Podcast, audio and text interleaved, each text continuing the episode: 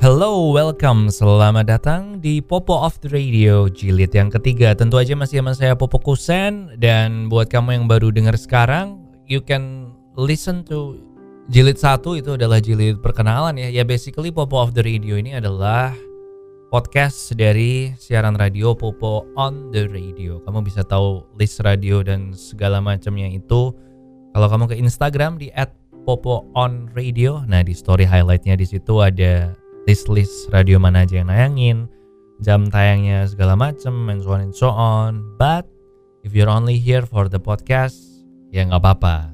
Yang penting lu tetap dengerin podcastnya ya. Gue udah sembuh jadi minggu lalu itu apa ya kita minggu lalu? Minggu lalu gue sakit flu, pilek, jadi suaranya juga bindeng-bindeng gitu. And now tapi sekarang semuanya udah normal. Memang kalau udah habis sakit gitu terus kita jadi lebih appreciate ya sama sesuatu yang tadinya kita taken for granted sih. anyway, sebelum mulai hari ini kita topiknya akan ngomongin tiga hal seperti biasa. Atra itu pakai magic number 3 ya, jadi nggak kebanyakan, nggak terlalu sedikit juga. Kita akan ngomongin soal arkeologi dan penemuan fosil gitu-gitu. Terus ada bahas tentang Popo bertanya lagi. Kali ini pertanyaan gue nanti aja ya, biar nggak di skip skip sampai kayak yang tadi kayak kayak yang nanti. Terus apa ya gue ada satu lagi gue lupa loh. Gue ada catatan sih cuma gue males. Pengen pamer kalau gue itu ingatannya hebat. Banyak ya teman-teman yang bilang kalau gue tuh ingatannya hebat gitu. Po ingatan lu kok hebat banget sih? Tapi mereka nggak tahu kalau gue itu short term memory loss man ingatan gue hal-hal yang dulu-dulu gue inget banget. Apalagi kalau disalahin sama orang gue inget tuh. Gue belum lupa tuh Cuma kalau yang barusan-barusan gue sering lupa. Mungkin sebenarnya faktor otak kita dan alam bawah sadar kita nggak sih? Kita kalau alam bawah sadar merasa itu penting ya terus kita jadi ingat. Tapi kalau kita nggak pakai eh kalau alam bawah sadar kita ngerasa itu sesuatu yang nggak penting ya otomatis kita jadi lupa. So maybe kalau lu lupa terus ulang tahun pacar lu maybe it's time to find a new one man nomor handphone tapi gue sekarang udah nggak lu nggak nggak ingat sama sekali sih. Gue dulu ingat nomor telepon teman-teman waktu masih telepon kabel itu ya telepon di rumah. Aduh ketahuan umurnya kan. Nah waktu pakai kayak gitu gue masih inget tuh nomor telepon semuanya. Sampai sekarang gue masih inget loh nomor teleponnya teman-teman baik gue cuma kalau suruh berubah jadi handphone wah gue udah nggak inget sih. Gue inget nomor handphone itu cuma nomor handphone yang zaman dulu yang masih awal-awal orang pakai handphone Nah itu gue masih inget tuh, sampai sekarang masih inget. Tapi kalau nomor handphone sekarang ini, kalau ketemu orang tanya, itu gue udah nggak inget. Bener-bener udah tergantung sama teknologi sih. Mau ngomong apa sih ya tadi sampai mana ya? Oh iya topiknya. Jadi kita ngomongin soal nanti arkeolog itu ditemukan mayat bayi yang curious, bukan mayat sih, tengkorak bayi dari ratusan tahun atau mungkin ribuan tahun not sure. Terus soal itu Popo bertanya yang nanti gue baru kasih tahu pertanyaannya dan yang kedua oh iya ini tentang ini ikan hiu paus dan ikan pari di Indonesia yang ya pokoknya ada hubungannya sama polusi lah. Gue pengen share aja karena gue banyak hal yang gue baru tahu setelah gue kemarin baca-baca artikelnya soal itu. Anyway hopefully you have a great week. Udah mau weekend juga nggak ada international break yang suka bola jadi lu bisa nonton bola segala macam. Semuanya lancar. Doa gue tetap sama semoga tim favorit lu mainnya bagus bukan menang atau kalahnya. Soalnya menurutku main bagus lebih penting sih. Karena kita nonton bola buat terhibur kan. Jadi kalau mainnya bagus kan kita terhibur walaupun kalah atau menang. Cuman kalau mainnya ngebosenin ya gimana ya? Udah nggak jadi menghibur lagi. Mending main game kan. Ngomong-ngomong soal game Death Stranding man gila gue udah main 30-an jam mungkin. Kemungkinan besar tamatnya di 60 jam 60 sampai 70 tergantung gue mainnya slow atau enggak. But gila itu di luar perkiraan gue gue suka banget sih. Padahal it's just of a giant fetch quest. Jadi lu beneran jadi kurir JNE doang dan mission-mission lu ya cuma nganter barang ke sini, nganter barang ke situ, ngelewatin gunung, nganter barang ke situ, ngelewatin lembah, nyebrang sungai, bangun jalan, naik mobil. Kalau nggak ada mobil naik motor. Kalau nggak ada motor lu jalan. Kalau nggak ada itu lu bisa wah pokoknya banyak sih. Awal-awal emang super slow tapi kalau lu punya chance buat main itu rekomendasi gue sih you should play it. Ini bisa dibilang game yang apa ya? You know kita main game buat have fun jadi kadang orang-orang masih mikir kalau main game itu mesti fun mesti action mesti cepat mesti nggak ngebosenin dan so on and so on. Nah kalau Death Stranding ini gue bilang adalah apa ya kalau kayak film bioskop ini tuh kayak film-film yang mikir gitu film-film yang mikir yang belum tentu happy ending yang gitulah intinya. So I think you should play it. Dan ini gue kepanjangan intronya jadi kita mulai aja sekarang ya. Popo of the Radio jilid yang ketiga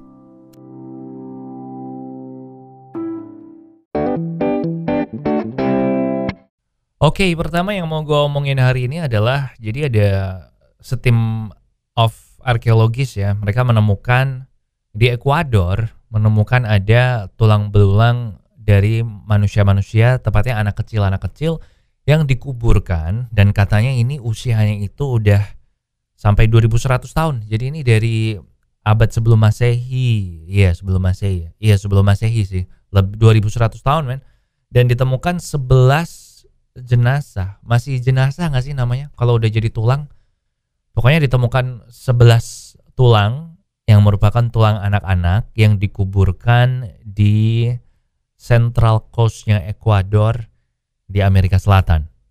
Nah ini yang membuat jadi unik ya. Jadi yang bikin unik adalah karena dua dari sebelas tulang belulang ini itu adalah tulang belulang anak-anak dan anak-anaknya benar-benar masih bayi gitu. Pokoknya infant lah. Jadi balita. Mungkin lebih kecil lagi. Pokoknya benar-benar kecil ukurannya. Dan yang aneh adalah dan ini yang bikin rada creepy ya. Karena kepalanya jadi kepalanya bayi-bayi yang masih kecil ini, well, tengkorak bayi yang masih kecil ini, itu ternyata pakai helm. Dan helmnya ini tau gak sih terbuat dari apa? Terbuat dari tengkorak anak-anak berusia 10 sampai 11 tahun, pokoknya anak kecil di bawah 17 tahun, tapi udah ya udah di atas lima tahun, udah umur 10, 11, 9, 10, 11 gitu. Bahkan menurut penelitian arkeologinya ini katanya um, hel helmnya ini helm dari tengkoraknya ini itu tuh masih ada dagingnya ngerti nggak? Masih fresh. Serem kan? Gue tahu sih kalau memang di wilayah Amerika Selatan itu terutama di zaman dahulu banget itu banyak anak-anak kecil yang dikorbankan gitu. Jadi kayak ritual gitu loh ritual pengorbanan manusia. Dan ini yang dikorbankan adalah anak-anak kecil. Tapi kalau ini bahkan arkeologis yang nemu aja tuh dia nggak nggak ngerti artinya ini apa maksudnya apa kenapa kok anak yang bawah lima tahun itu dipakein helm sebelum dikuburkan. Dan mereka juga nggak tahu apakah ini itu adalah ritual pengorbanan manusia juga atau ya ini memang anak-anak kecil yang meninggal aja karena suatu sebab bukan karena dikorbankan. Soalnya nggak ditemukan ada tanda-tanda kekerasan sih di tulang-tulangnya ya. Kalau di kulitnya nggak tahu cause it's you know 2000 tahun yang lalu jadi nggak bisa tahu. Nah katanya kayak gitu. Mereka nggak tahu kenapa. Apakah karena pakai helm biar selamat di alam baka nggak tahu. Mereka cuma bisa berteori. Apakah itu ngambil tengkorak anak 10-11 tahunnya itu dari mereka yang kebetulan meninggal juga tapi masih berupa jenazah terus langsung diambil atau mereka harus membunuh anak berusia 10, 11, 12 itu buat terus baru dibikin jadi helm tengkoraknya nggak ada yang tahu cuma bisa dispekulasiin aja. Cuman menurut arkeologisnya itu memang orang-orang di Ekuador itu yang suku Gunggal Guanggala suku Guanggala ini tuh memang mereka punya filosofi yang berbeda soal afterlife punya filosofi yang berbeda soal tubuh manusia. Jadi adatnya Guangala itu katanya kalau rakyat atau manusia itu udah meninggal maka bagian-bagian tubuhnya itu ya biasa aja kalau terus dimanfaatkan untuk yang lain. Jadi tulangnya dibikin buat I don't know man. Nggak tahu buat apa sih buat hiasan gue nggak tahu ya pokoknya intinya gue ngajak supaya kita jangan bias lah karena kita ngelihatnya dari sudut pandang manusia modern kan. Justru gue lebih tertarik sama itu tau sama buat apa dikasih helm itu? Atau jangan-jangan sebenarnya mereka waktu itu udah punya motor ya kan? Jadi harus pakai helm biar nggak ada kecelakaan atau apa. Lo tau gak sih gue tuh punya teori gue paling demen nih kalau lagi ngomongin 2000 tahun yang lalu gitu yang gak ada yang bisa ngebuktiin kan lo gue tuh curiga kayak coba deh lu lihat piramid piramid itu fungsinya apa gak ada yang tahu kan sampai sekarang paling tahunya cuma ya udah itu di dalamnya ada harta karun di dalamnya adalah kuburan untuk raja-raja Mesir tapi kita kan nggak tahu fungsinya buat apa. Terus ada ini Stonehenge yang ada di Inggris tuh, yang batu-batu itu. Kita nggak tahu kan itu buat apa kan. Terus yang di mana ya? Kepulauan Palau atau mana yang ada batu-batu gede bentuk muka orang, itu kita juga nggak tahu kan. Nah gue tuh punya teori. Mungkin gak sih kalau dulu, dulu nih, manusia-manusia zaman dulu nih, itu tuh sebenarnya jenius-jenius semua. Hah? Jadi mereka jenius banget, mereka udah jauh lebih depan, lebih maju daripada kita yang di sekarang. Tapi terus ada asteroid nih yang nabrak bumi itu kan, atau pokoknya bencana alam lah yang menabrak bumi itu. And then gara-gara bencana alam itu, nah yang pinter-pinter ini itu mati semua men. Yang tersisa hanya yang goblok-goblok ini, yang terus berevolusi jadi kita nih, yang goblok-goblok itu. Jadi kita ini terbelakang dibandingkan dengan manusia dari zaman dulu makanya kita nggak ngerti piramid buat apa kita kan nggak tahu kalau ternyata piramid itu sebenarnya bisa buat komunikasi sama makhluk planet lain atau ternyata Stonehenge yang itu adalah kayak helipad gitu buat helikopter zaman dulu kita nggak tahu kan. Karena apa? Ya karena yang mati-mati itu yang pinter-pinter itu pada mati men. Teori gue sih karena mereka bukan pemburu ya. Jadi waktu ada bencana alam mereka nggak bisa lari larinya pelan terus mereka mati. Dan yang survive yang berevolusi jadi kita itu adalah yang nggak jenius jenius tapi mereka sering lari karena sering berburu hewan. Yang fisiknya lebih memungkinkan lah buat selamat dari bencana alam itu. But ya itu dia kita nggak akan pernah tahu kan. Cuman teori gue nih kayaknya masuk akal loh. Kayak bayangin deh kita yang pada pinter-pinter, yang pada jarang olahraga, temenmu, temenmu deh, temenmu bayangin temenmu sekolah yang nilainya bagus, tapi kalau olahraga nilainya jelek. Terus nanti misalnya nih ada meteor nabrak bumi atau kita dikejar-kejar oleh apa dan dikejar misalnya zombie apokalips deh, zombie apokalips. Nah, yang larinya pelan, yang nilai olahraganya pada jelek itu mereka yang dimakan duluan kan. Terus sisanya tinggal apa? Ya tinggal kita yang nilainya jelek-jelek di sekolahan tapi nilai olahraganya bagus. Terus kalau udah gitu, gimana dengan teknologi-teknologinya kita? Kita nggak bisa nyiptain teknologi baru kan? Come on man, orang yang tahu soal teori kuantum fisik misalnya, semuanya udah jadi zombie semua. Terus kita ya teknologinya otomatis mundur berpuluh-puluh tahun ke belakang kan? Nah, that's what happened sama bumi. Ratusan atau ribuan atau mungkin bahkan jutaan tahun yang lalu kan? Dan gue mulai ngelantur jadi ya udah kita udahin sampai di sini aja. Intinya ada itu misteri di Ekuador. Oke. Okay?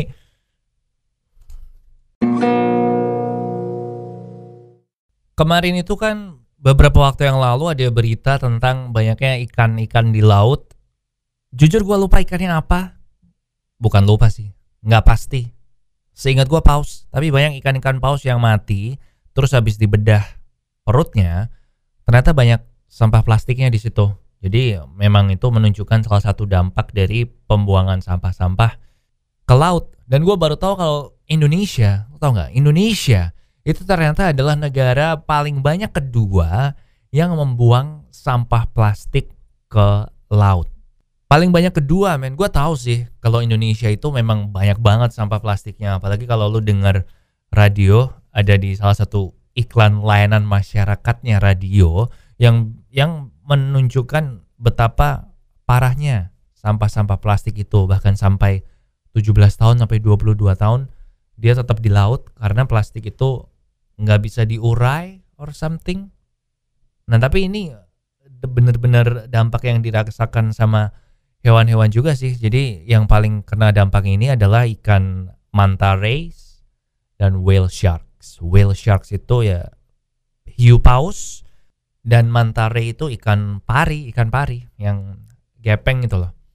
Nah, dua hewan ini, dua ikan ini kan kalau makan di laut itu makanan terbesarnya mereka adalah plankton. Jadi mereka kalau nyari makan itu di laut-laut yang mengandung banyak plankton. And turns out Indonesia itu laut-laut di Indonesia-nya terutama yang di Jawa Timur ke kanan, bukan ke kanan ya, ke timur, pokoknya di sekeliling Jawa Timur di sekitarannya situ itu banyak banget planktonnya di sana. Jadi ikan pari ini dan gila ikan pari sih enak sih. Lo pernah makan ikan pari yang di Singapura gak sih? Kalau lo pernah ke Singapura, lo cari com-com deh. Com-com itu kayak tempat kuliner uh, night night market gitu, kuliner malam kayak food court lah, kayak food court malam yang nggak di mall, nggak di mana-mana ya food court aja, tempat kulineran aja. Di situ lo makan ikan parinya, stingraynya, itu enak banget. Terus minumnya pakai minum tebu tebu alami di situ, itu enak banget men. Kalau lo ke Singapura, lo mesti ke sana, com-com. Setahu gua, lo mesti naik taksi atau dari MRT jalan rada jauh pokoknya gitu deh. Com-com ya. Google aja dulu harusnya udah ada. Itu stingraynya enak banget sama tebunya. Kalau lu makan stingray itu ya harus minum tebu atau minum ribena sih biasa kalau di Singapura. Anyway, jadi uh, mantarenya itu dan hiu pausnya itu itu nyari makannya di lautan Indonesia di Jawa Timur karena banyak mengandung plankton di situ. Nah, susahnya adalah karena banyak banget plastik di Indonesia, jadi dua hewan ini yang paling mengalami dampaknya karena si hiu paus itu mereka kalau makan itu dapat sekaligus menelan plastik piecesnya ini. Nah baru-baru ini ada marine biologist Elitsa Germanov. Kalau gue bisa nebak mungkin dia orang Eropa. Ya iyalah orang Eropa lah. Tapi gue nggak tahu dari mana sih. Dia nggak dibilang nggak disebutin. Tapi dia ini marine biologist di Marine Megafauna Foundation and Murdoch University. Gue nggak tahu lah pokoknya dia bule lah yang pasti. Nah mereka menemukan meneliti karena dia ternyata sering diving di Indonesia jadi dia familiar sama kondisi sampah-sampah plastik di Indonesia nah mereka menemukan kalau ikan pari itu per jamnya itu bisa makan lebih dari 63 potongan plastik, men.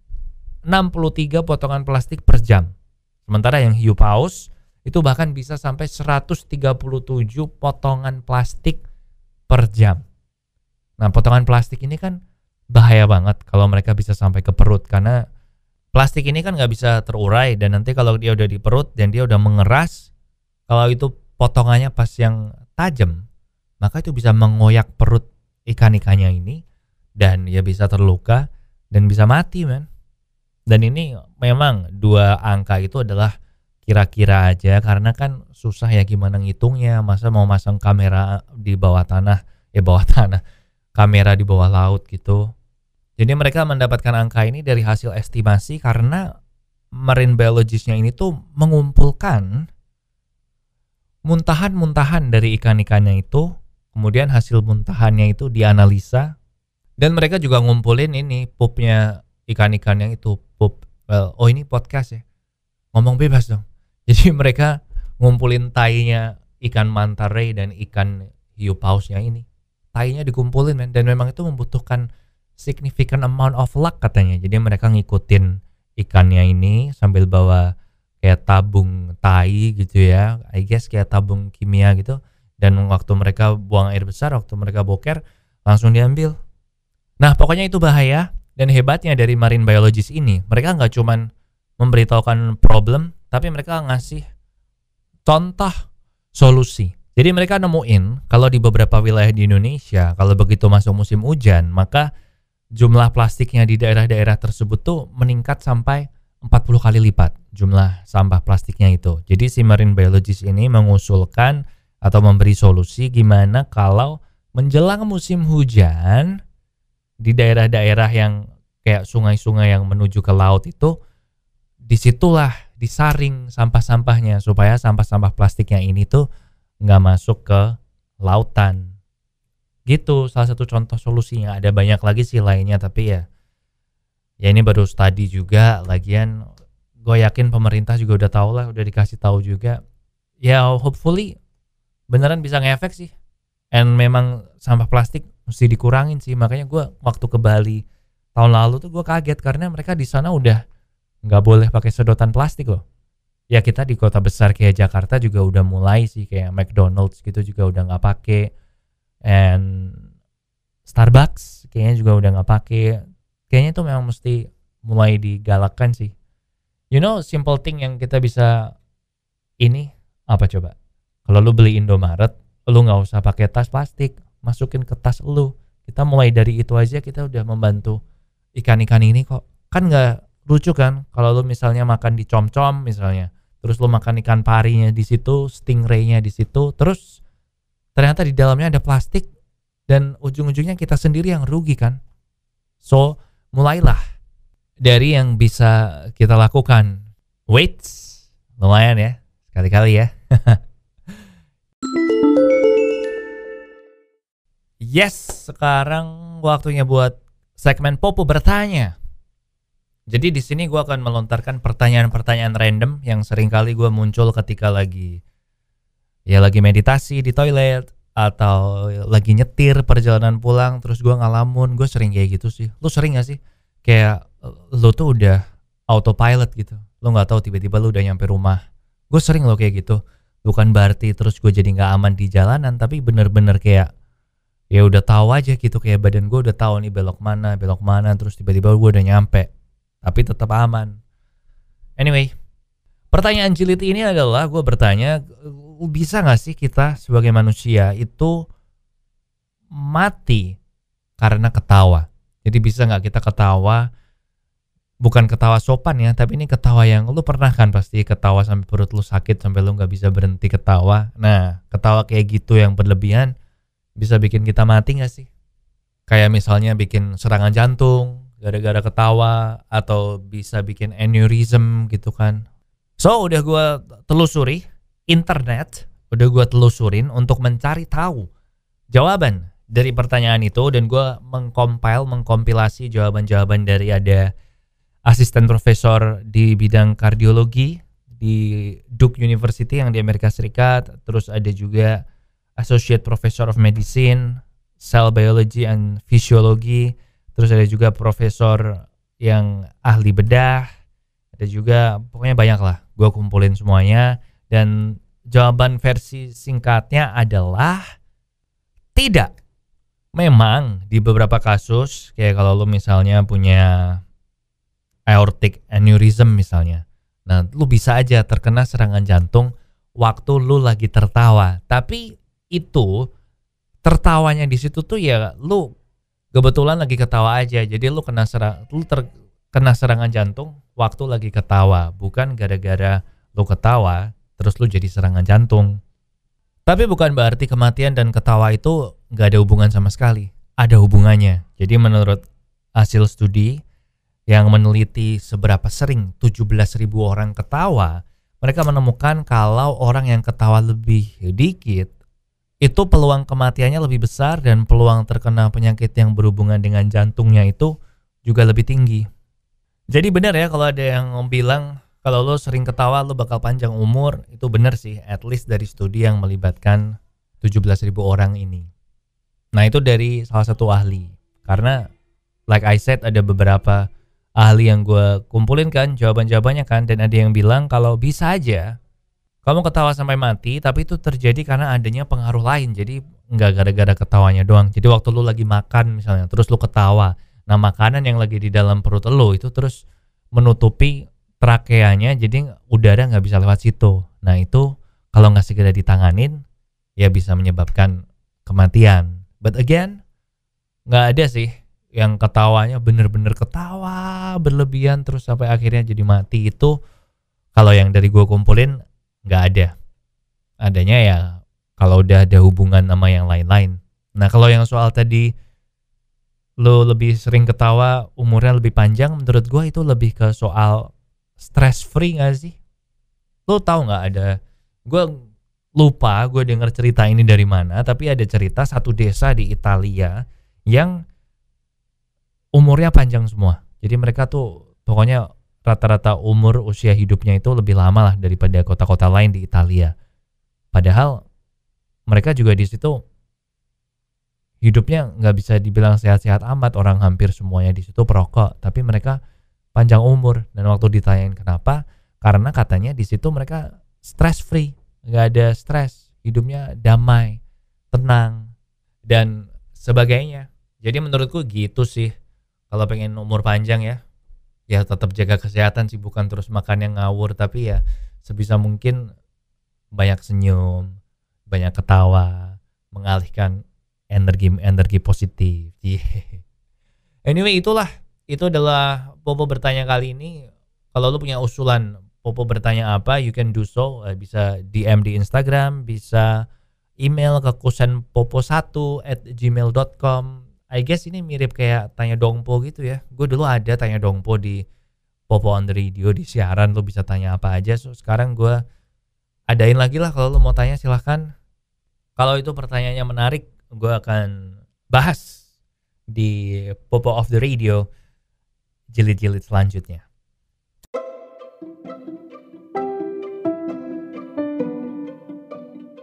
Oke, okay, I guess that's it buat Popo of the Radio jilid yang ketiga ini. Gue ya lumayan lah, gue udah mulai ya at least the audio is better ya. Jilid yang ke hari ini, jilid yang ketiga ini, gue masih mikir-mikir lagi, masih ya masih mencari-cari lah bentukannya kayak gimana. Ibaratnya kalau di film Ghost itu itu ini claynya belum jadi pot, belum jadi fast gitu, masih basah, masih elastis, masih fleksibel. Ya nanti kita lihat lah. Hopefully Januari lah udah kelihatan ya 2020 udah kelihatan lah bentuknya Popo of the Radio ini mau dibawa ke mana. Lo kalau ada kritik, saran, masukan, usulan and so on and so on, feel free to tell me ya. Again, bisa lewat email kusenpopo1 at gmail.com, bisa juga lewat DM di Instagram di @popoonradio. Gue lagi ngusahain supaya ini bisa masuk ke Google Podcast, bisa masuk ke podcastnya Apple juga. Gue nggak tahu what's taking them so long, padahal udah tiga minggu kan berarti udah tiga minggu men, belum ada kabar bakal ini ke podcast lain apa enggak. So I am actually not sure apa yang bikin lama. Oke, okay, that's it. Uh, hopefully you have a great weekend. Jangan lupa Liga Inggris sudah mulai lagi. Gue paling tahu gak sih? Gue tuh paling nggak sabar nungguin apa? West Ham lawan Tottenham man. Gue nggak sabar lihat Mourinho. I think is gonna do well di Tottenham Hotspur. Gak tau kenapa gue ngerasa cocok aja Mourinho sama Tottenham. Jadi nanti kita lihat Oh ya, yang satu lagi sebelum gua pamitan gue lupa ini quick tips aja. Gue udah ngomong di on the radio ya di siaran radio, di siaran tapi gue pengen share juga di sini soalnya gue demen banget sama ini tips. Jadi kalau lu ke airport segala macam kan pasti butuh colokan kan buat ngecas handphone kan, pasti tuh. Nah gue ada cara supaya lu pasti dapet. Tapi lu mesti invest murah dulu. Lu beli sambungan listrik, colokan listrik yang eh, tiga gitu. Jadi yang satu jadi tiga jadi waktu lu bawa ke mana-mana yang ukuran kecil aja, lu bawa di tas. Kalau lu lagi di airport, lagi butuh colokan, lu pakai, lu bawa ini aja sambil lu ngomong ke orang yang lagi pakai colokan, misi boleh pinjam colokan listriknya nggak? Tapi lu sambil ngeluarin itu, jadi si dia tetap bisa ngecharge gadgetnya dia. Bener kan? Gue bilang apa? Ini tips gue demen banget sama ini tips gue itu lihat orang ngelakuin itu, and then gue ngerasa gila ini brilian banget. Ini genius banget. Dan yang terakhir gue marah. Kenapa gue nggak kepikiran sih? Ide kayak gini. So gue share sama lu biar lu juga marah juga kenapa lu nggak kepikiran. Oke okay? that's it man. Di sini I'll see you when I see you